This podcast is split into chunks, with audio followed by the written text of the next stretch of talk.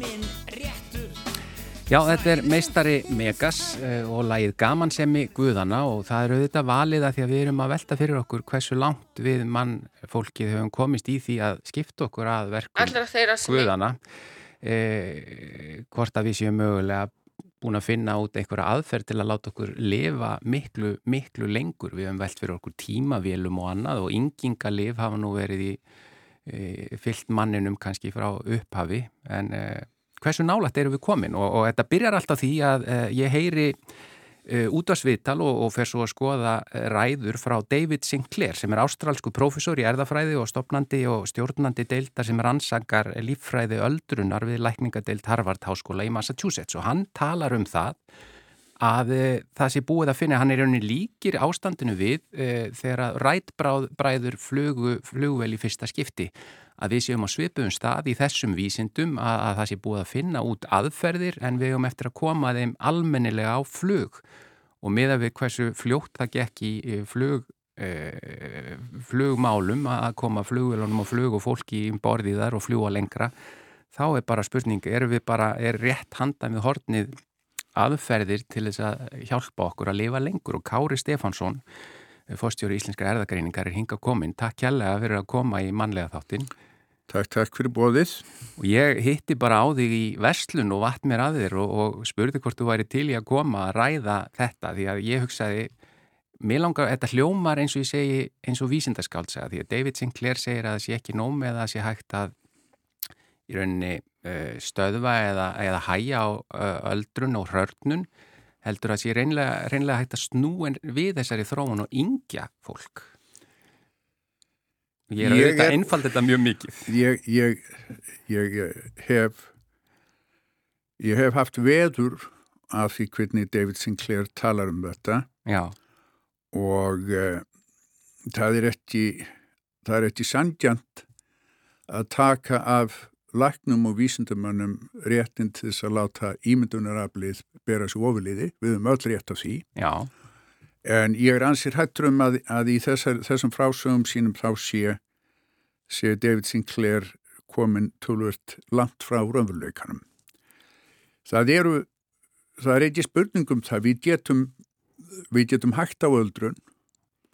Við getum snúið við ímsum öldrunar einkjönum, við getum feindi fólk til að reyfa sig, til að stunda líkamsrækt, til að borða betur, til að, að hlúa betur að sér, til þess að taka líf við fyrirbreyðum sem auka líkur á eh, sjúkdómum sem að binda enda á lífhóls, til dæmis að lakka blóðfristing, til þess að lakka blóðfittu, til þess að bæta sikur þól og svo framvegis.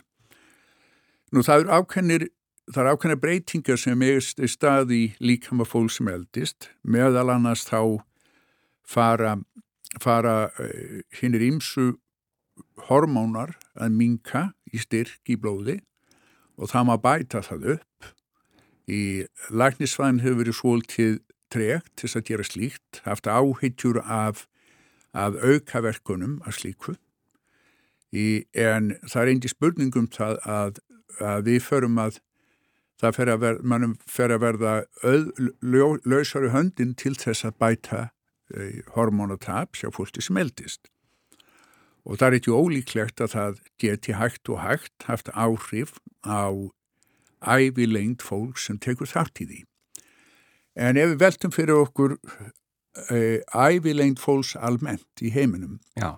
þá eru nú miklu einfaldari fyrirbyrði sem þarf að takast á við til þess að auka meðal ævilegnd, meðal annars er hungur og fátækt og vesuld sem á, á rætu sínar í þeim misrétti sem líðist í þessum heimi.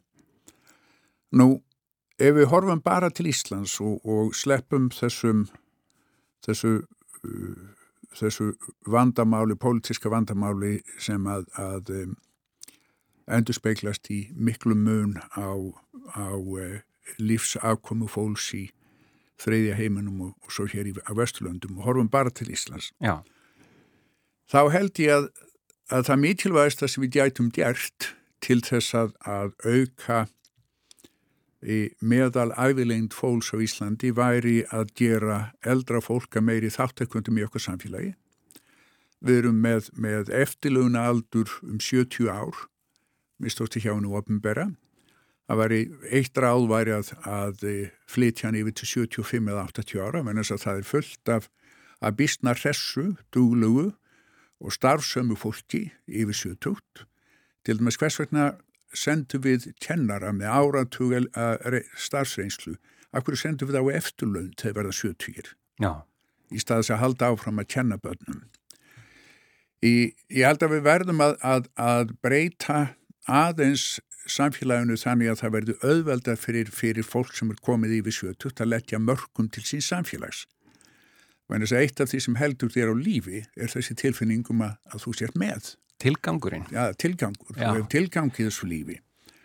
Og nú, eitt af því sem þú geti gert meðal annars gert er að auka aftur þann tíma sem tekkur að læra til stúdarspróf sem eitt ár, það var stitt um daginn sem ég held að hafa verið afskaplega mikil mistilingur þannig að þá var þetta íta ungu fólki út á vinnumarkaðinn fyrir en eðla auka það aftur upp í fjögur ár og á þann haft búið til kannski svolítið plássa vinnumarkaði fyrir þetta eldra fólk.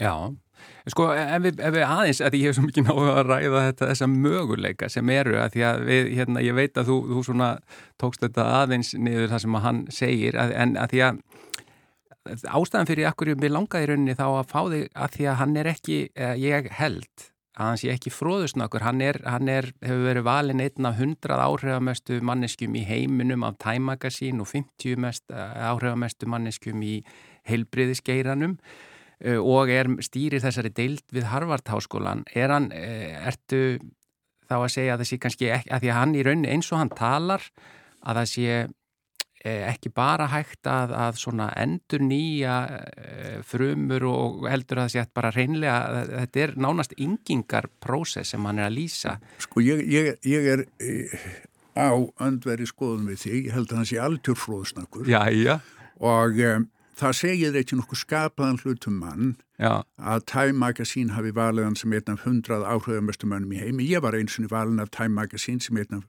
hundrað áhrifamestumönnum í þessum heimi Já. og ég veit hvers konar veðsælingur ég er. Sko, það, það segir þér ekkert. Þú verður óskup einfallega að kanna þau gögn sem mann byggir sínar álíktanir á. Já. Við erum ekki með aðferðir til þess að venda taugafrumur í heila og eitt af því sem virðist bregðast hjá öllum ef þeir verða nægilega gamlir er, er þessi geta tójafrumni í heila til þess að lífað af og öllum líkjendum þá í dag og verður svo nema okkur tætist að uppgöta einhvers tólkorslegt þá verður þessi geta tójafrumni í heila til þess að lifa til þess að lifa nú lengi þar sem setur þag á okkar æfistíð og það er mjög margt sem gerir það verkum að, að að þessi möguleiki til þess að fara áhrif og hafa áhrif á æfilegin þessara tögafrömmna það er, er bísnamarð sem gerir það verkum að, að það er mjög erfitt að sjá fyrir eins og stendur að það tætist. Þannig ég sko, ég, ég efast um að það sé nokkuð læknir eða nokkuð heilbriðsterfi sem myndi hafna því að taka upp aðferðir sem að væru til staðar til að, að lengja uh, gott líf fólks umframtastæðir í dag. Og þegar David Sinclair segir að þeirra aðferði séu til þar sé meiri séu grundvallar hugmyndirnar að bati því er ekki mm -hmm. til þannig að hann fer bísna langt Já, já, hann, hann gefur sér mikið skáldalefi, en ef, ef við veltum fyrir okkur þetta með hækkandi meðalaldur ef ef við komum þá aftur inn í raunveruleikan þarna voru við kannski þá smá í vísindaskálskap Já, nú, nú skal ég benda þér á að, að það sem að, að hefði mest áhrif á, á meðal æfilegnd á Íslandi Já. var þegar okkur tókst að, að, að útrímað miklu leiti ungbarnadauða. Það sé að meðal æfiskeið fólks í, í svona samfélagi getur breyst af ýmsum ástæðum og, og meðal annars er það vegna út af bættum lífstjörum, í, út, af, út af betri næringu, betra aðgengi að heilbyðstjónustu og svo framvegis á þess að tilkomi einhverjar galdra aðferðið til þess að lengja líf. Já, og þetta sko, því nú vitum við um það byl hvað við getum, hvað er í okkar hendi til þess að reyna að gera líf okkar betra og lengra þetta með kvildina, reyfinguna, næringuna. Eh, hvað heldur þú ef að manneskja sem að fer bara reynlega eftir öllu þessu, eftir bókinni, hva, og, og, og við veltum fyrir okkur bara hækkandi meðalaldur undarfarin uh, undarfarna öld eru við að fara mikið herra en við erum stöld núna eru... Ég var ekkert hissa að það tætist að, að, að, að hifsja meðalaldur Íslandinga upp í 90 ár í, fyrir lók þessar aldar. En, en þá ertu bara óskupið einfallega að þjappa saman þessu, þessari ævilegnd fólks.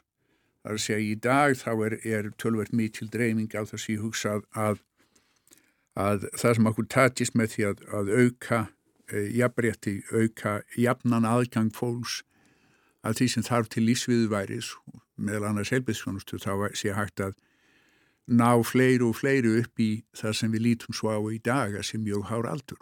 Já. En, en veltum fyrir, ef, ef, ef veltum fyrir okkur þessum staðhæfingum David Sinclair og við skoðum Alzheimer sjútum. Já. Alzheimer sjútumur er sjútumur sem að, að mörguleiti lítur út eins og, eins og hraður, eins og hröðun á öldrun heilans hjá mænilúðu fólki. Það sé að flest okkar, ef við verðum nægilega komur, endum á því að vera með samskona breytingar í heila og þú sér því Alzheimer sjútumi. Mm -hmm og það eru alls konar, er alls konar rauksemdi sem nýgið þá átt að, að, að allsami sjútumur sér umvöldið ekki annað en bara hröðun á því sem gerist miklu hægar hjá mennilu fólki. Já. Það var komið upp alls konar hugmyndir um hvernig eigi að lækka eða fyrirbytja allsamisjútum og sumar hafa lítið feitilega vel út, sumar hafa lítið þannig út að, að að, að fólk sem vann á þessu sviði kom fram með yfirlýsingum að nú varum við að vinna bjóða þessu. Það er nýbúið að eiga sér stað fullt af lifjatilunum sem byggja á þessum vel raukstuttu hugmyndum sem hafa brúðist. Það er að segja að þrátt fyrir þessar hugmyndir sem eru stuttar feitilega góðum vísundum um það hvernig Alzheimer sjútumur verður til og þrátt fyrir það að menn hafi fundið aðferðir til að takast ávið þá ferla sem við vitum eða okkur finnst við vita að leiði til sjúdóms, þá verður okkur ekki endheitist að hægja þessum sjúdómi. Þrátt fyrir góð fyrirheit og annað. Já. Já. Og ekki, þú sér ekki í sjónmáli núna eh, eitthvað sem að lofar enn betra eða lofar góðu? Uh, maður er alltaf að sjá einhvað Já. sem maður lætu sér dreyma um. Eh, og eh, það er koma sko hver á fætur annar í hugmyndirnar um það hvernig við getum tekist á við þessa hluti. En það er vísfjari frá vísfjari því að vera að koma með í sjónmál einhvað sem hönda festir. Og, og uh, mér finnst David Sinclair vera alveg einstaklega óábyrgur í því hvernig hann tjáði sig um þetta. Og um, eins og ég sagði upphafi mér finnst ekkert að því að leifa lagnum og vísendamönnum að e, sleppa fram að sér beislunu þegar kemur að, að hugmyndum og draumum. En það verður að passa sér svol til á því hvernig menn tjá þetta í hvaða samhengi og að standa upp og, og segjast vera, vera bísna mertilugur, frægur, vísendamöður frá Harvard og, og segja við erum að fara að binda enda á ellina, við erum að, að fara að Við erum að fara að ringa mjög myndalega æfistið fólks, það er bara rétt handan við hotnið. Ég finnst að einhvers þar milli þess að vera óabyrst og glæpsamlegt. Það er kannski talsverð sölumennska í því. Ég fór að hugsa það þegar ég hlustaði á þetta, hvort það væri bara að því að hver vill ekki lifa lengur og hver vill ekki leggja til rannsókna á því. Ef, að, ef að þeir eru að ná einhverjum árangri þá hlíti ég að vilja setja pening í það. Já, hann er að segja sögu. Já. Ég, ég er ekkert að, að halda ég fram að þessi að, að selja eitthvað fyrir fjö hann er að selja eitthvað fyrir aðtikli hann er að selja eitthvað til að láta sjálfum sér líða vel og það er ekki drangtu það já, já. en, en e, það er alveg það er alveg týrstýrt að fræði greinin sem slík það er að segja læknisvæðin sem slík og vísundarsamfélagið hefur alls eftir kæft þessar hugmyndir Já, það, það er, þú segir að það sé í rauninni gegnum gangandi að fólk í þessu samfélagi, í helbriði samfélaginu sé sjá í gegnum þetta. Er, það er mjög gaggrínt á, á yfirlýsingar eins og þessar.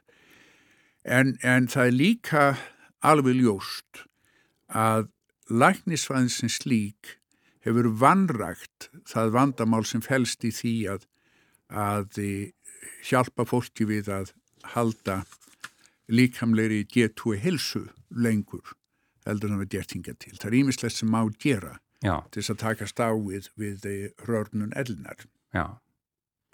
Allt í lagi, þetta hljómaði líka dáltið eins og vísindaskálsa en ef við, ef við förum aðeins samt sko yfir í e, þinn bransa uh, og íslenska erðagreiningu þið eruð að, að kortleggja genin okkar og hvað, hvaðan hinn er og þessi sjúkdóma koma, hvað er eitthvað í, sko frá því að þú í rauninni hefur þessa vegferð, eh, þú lærir taugarleiknisfræð og taugameinafræð ekki satt og ferð svo yfir í, í þetta, í erðafræðina eh, og ég heyrði því segja að, að í rauninni Eh, að, að sko heilin væri það líffari sem við vitum minnst um hvernig virkar og að, og að helmingur erðavísa í mannlíkamn sé í heilanum. Þess að hefur leiði beint við að þú farir að kanna það. Er sko hlutir sem að hafa gerst frá því að þú hefur þína vegferð er það, er ykkur svona spennandi hlutir sem að eru mætti líka við vísindarskáldsögu sem koma út úr ykkar rannsóknum sem að eh, var jafnvel bara erfitt að sjá fyrir Sko vísindin þau ferðast mjög hægt. Þannig að líkunar á því að, að þú gerur uppkvötun sem gjör breytir heimsmyndinni eru mjög litlar. Í, við hefum gert fullt af litlum uppkvötunum sem að mér finna spennandi og e, fyrst vorum að tala um langlífi, fyrsta, einn fyrsta rannsókt sem við gerðum var á langlífi og var á þeim tíma sem við höfðum raunvulegt í önnur gókn heldur nættfræðina og eitt af því sem að, að við spörðum um uh, spörðum var er, er langlífi arfgengt?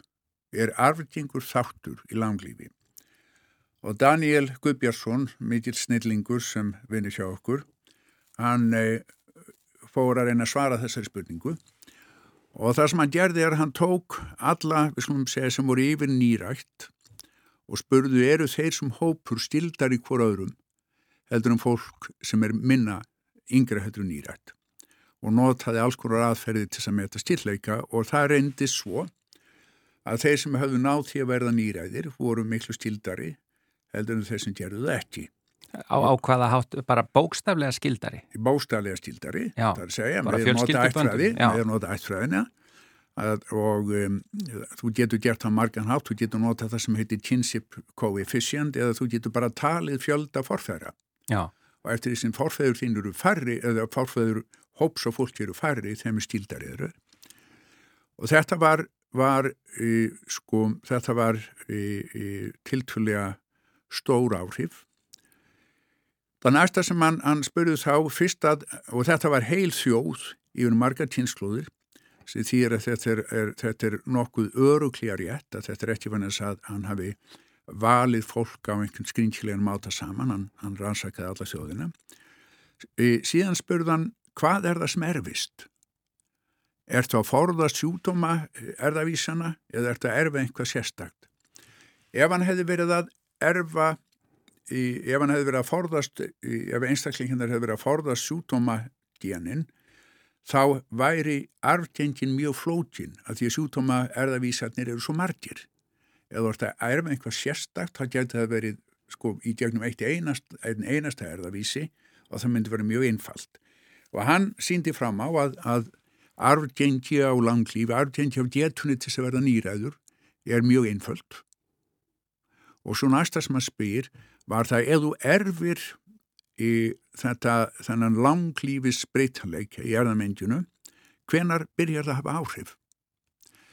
Í þegar þú ert orðin 67 ára eða eldri þá eru lí, ef, ef, ef annar hvort foreldraðina var nýrætt þá eru líkunar á því að þú degir innan eins ás mun minni heldur en að báðir foreldraðinni dói frí nýrætt eftir að þú ert orðin 67 ára gammal sem sagt með því bara að taka ættfræðina þá síndan fram á var langlífi erfist. Það erfist á einfaldan hátt þannig að það lítur út frá að þú hafir erft einhvað jákvært í staðins að forðast einhvað, það forðast allt hinn eitthvaða og þetta er eiginleiki sem, sem þú byrjar að njóta til orðin 67 ára gamal og þetta er, þetta er bísna elegant eins og flesta sem Daniel gerir. Og það var ekki gert með öðrum tætjum heldur um gamaldræs ættfræði. Já, það, það þurfti ekki meira til. Nei.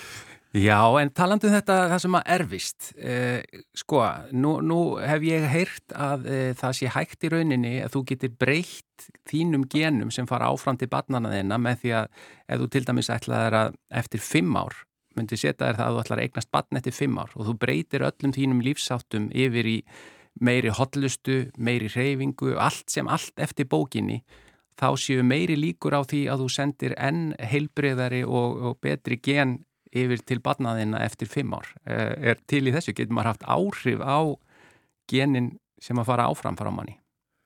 Afskaplega lítill. Já. Þessi gamla hugmyndum að þú getur að áunir er, eiginleikar erfist, hún bara stendst ekki.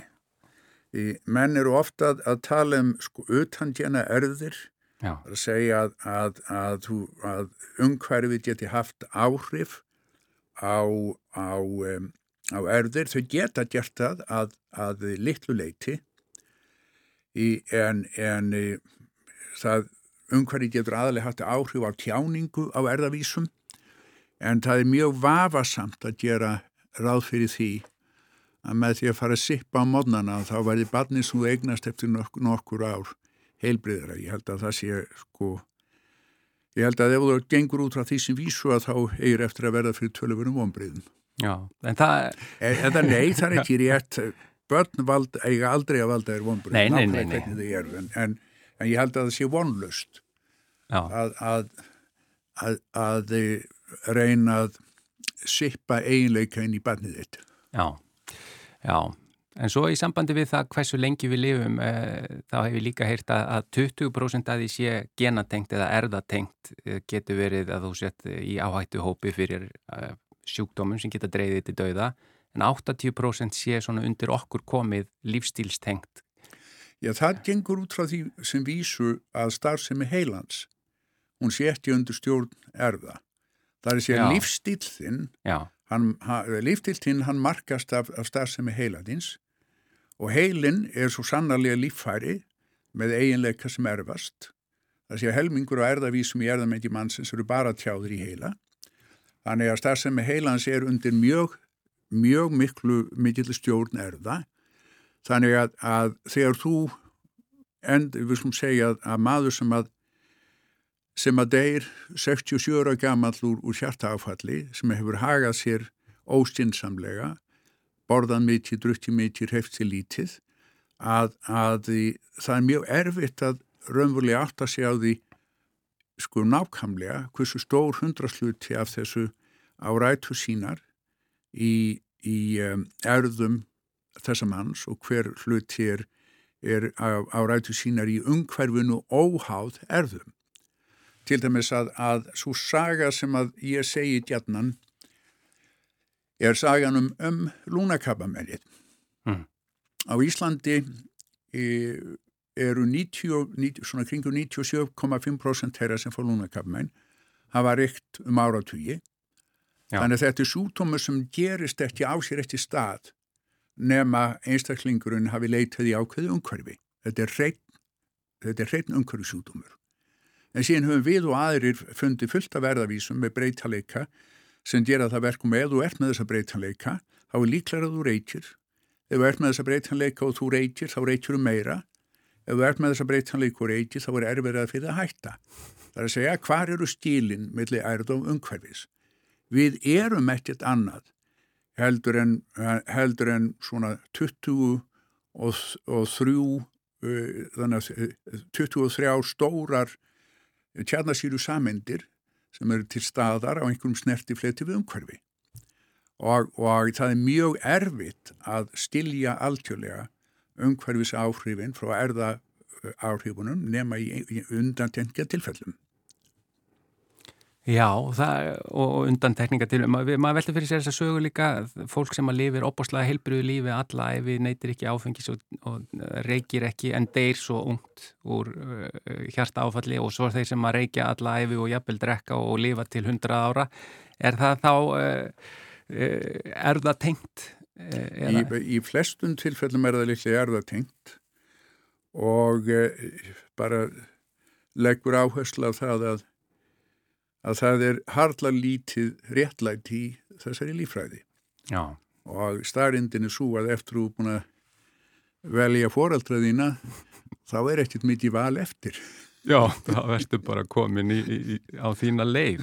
En uh, að lokum, takk hjalla fyrir að koma, Kári. Mér langar bara að spyrja það því að við erum öll eldumst við og uh, ég allan í mínu tilfelli þá fyrir að hugsa meira út í hluti með aldrinum, svona hvað ég get gert til þess að gera líf mitt sem allra best uh, núna þegar ég er komin svona kannski upp á hæðinu og á leiðinni niður. Hvað gerir þú svona fyrir þína hilsu til þess að já, halda þín, þinni heilsu vel og, og, og kannski að lifa lengur? Mm, ég hreyfi með smitt eins og ég get og hvað þýðir það að hreyfa sér eins mikið þú getur það? Þýðir þýðir að hreyfa það eins mikið eins og nennir. Sem, er, sem er um leitt og við sama. Já, já. Ég, ég reyni að borða til til við hollan mat. Ég reyni að lesa góða bækur. Ég held að það sé holdt fyrir það sé gott fyrir, fyrir, fyrir heilbríði að lesa góða bækur, hlusta af góða tónlist, ég vinna eins mikið eins og ég get, ég held að það sé mjög holdt að vinna. Það er tilgangur? Já, ekki bara tilgangur, það er, það er ákveðin rútína sem að maður minnst kosti mér finnst gott að hanga á því ég er að vinna þá er ég að fást við einhvað sem mér finnst ég stilju verður þetta einn stjeldur eins og því komin inn í, í einhvað sem heitir frí sem er stór hættulegt fyrirbyrð og allir ætti að forðast. Þá líðir ekki vel sem sagt.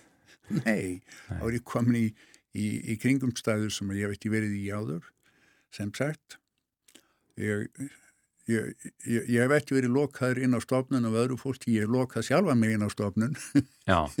Þess að, að láta mig líða betru, vera örukerjum sjálfa mig. En uh, bara rétt í lokin, uh, að því nú er mikil tíska föstur, það er að segja svona ekki endilega alveg hreinar föstur heldur að borða kannski bara í, í sex eða sjö tíma á, á sólarhing og, og ná þá og talað um að, að líka minn fari upp í svona hálgerða viðgerða uh, stöðu þegar hann er búin að vera svangur í smá tíma. Hvað segir þú með þetta og fösturnar? Ég veit ekki um einu einustu rannsók sem hefur verið gerð á þessu þannig ég get ekki vísa þeir í, í, í uh, læknisfæði bókmenti sem stiða þetta en mér finnst þetta ekkert svona úr þessari fjalla eða óstýnsalegri nýmislegt annað. Já. ég hugsa að hugsa að það myndi reynast mér erfitt að standa við förstu af þessari gerð.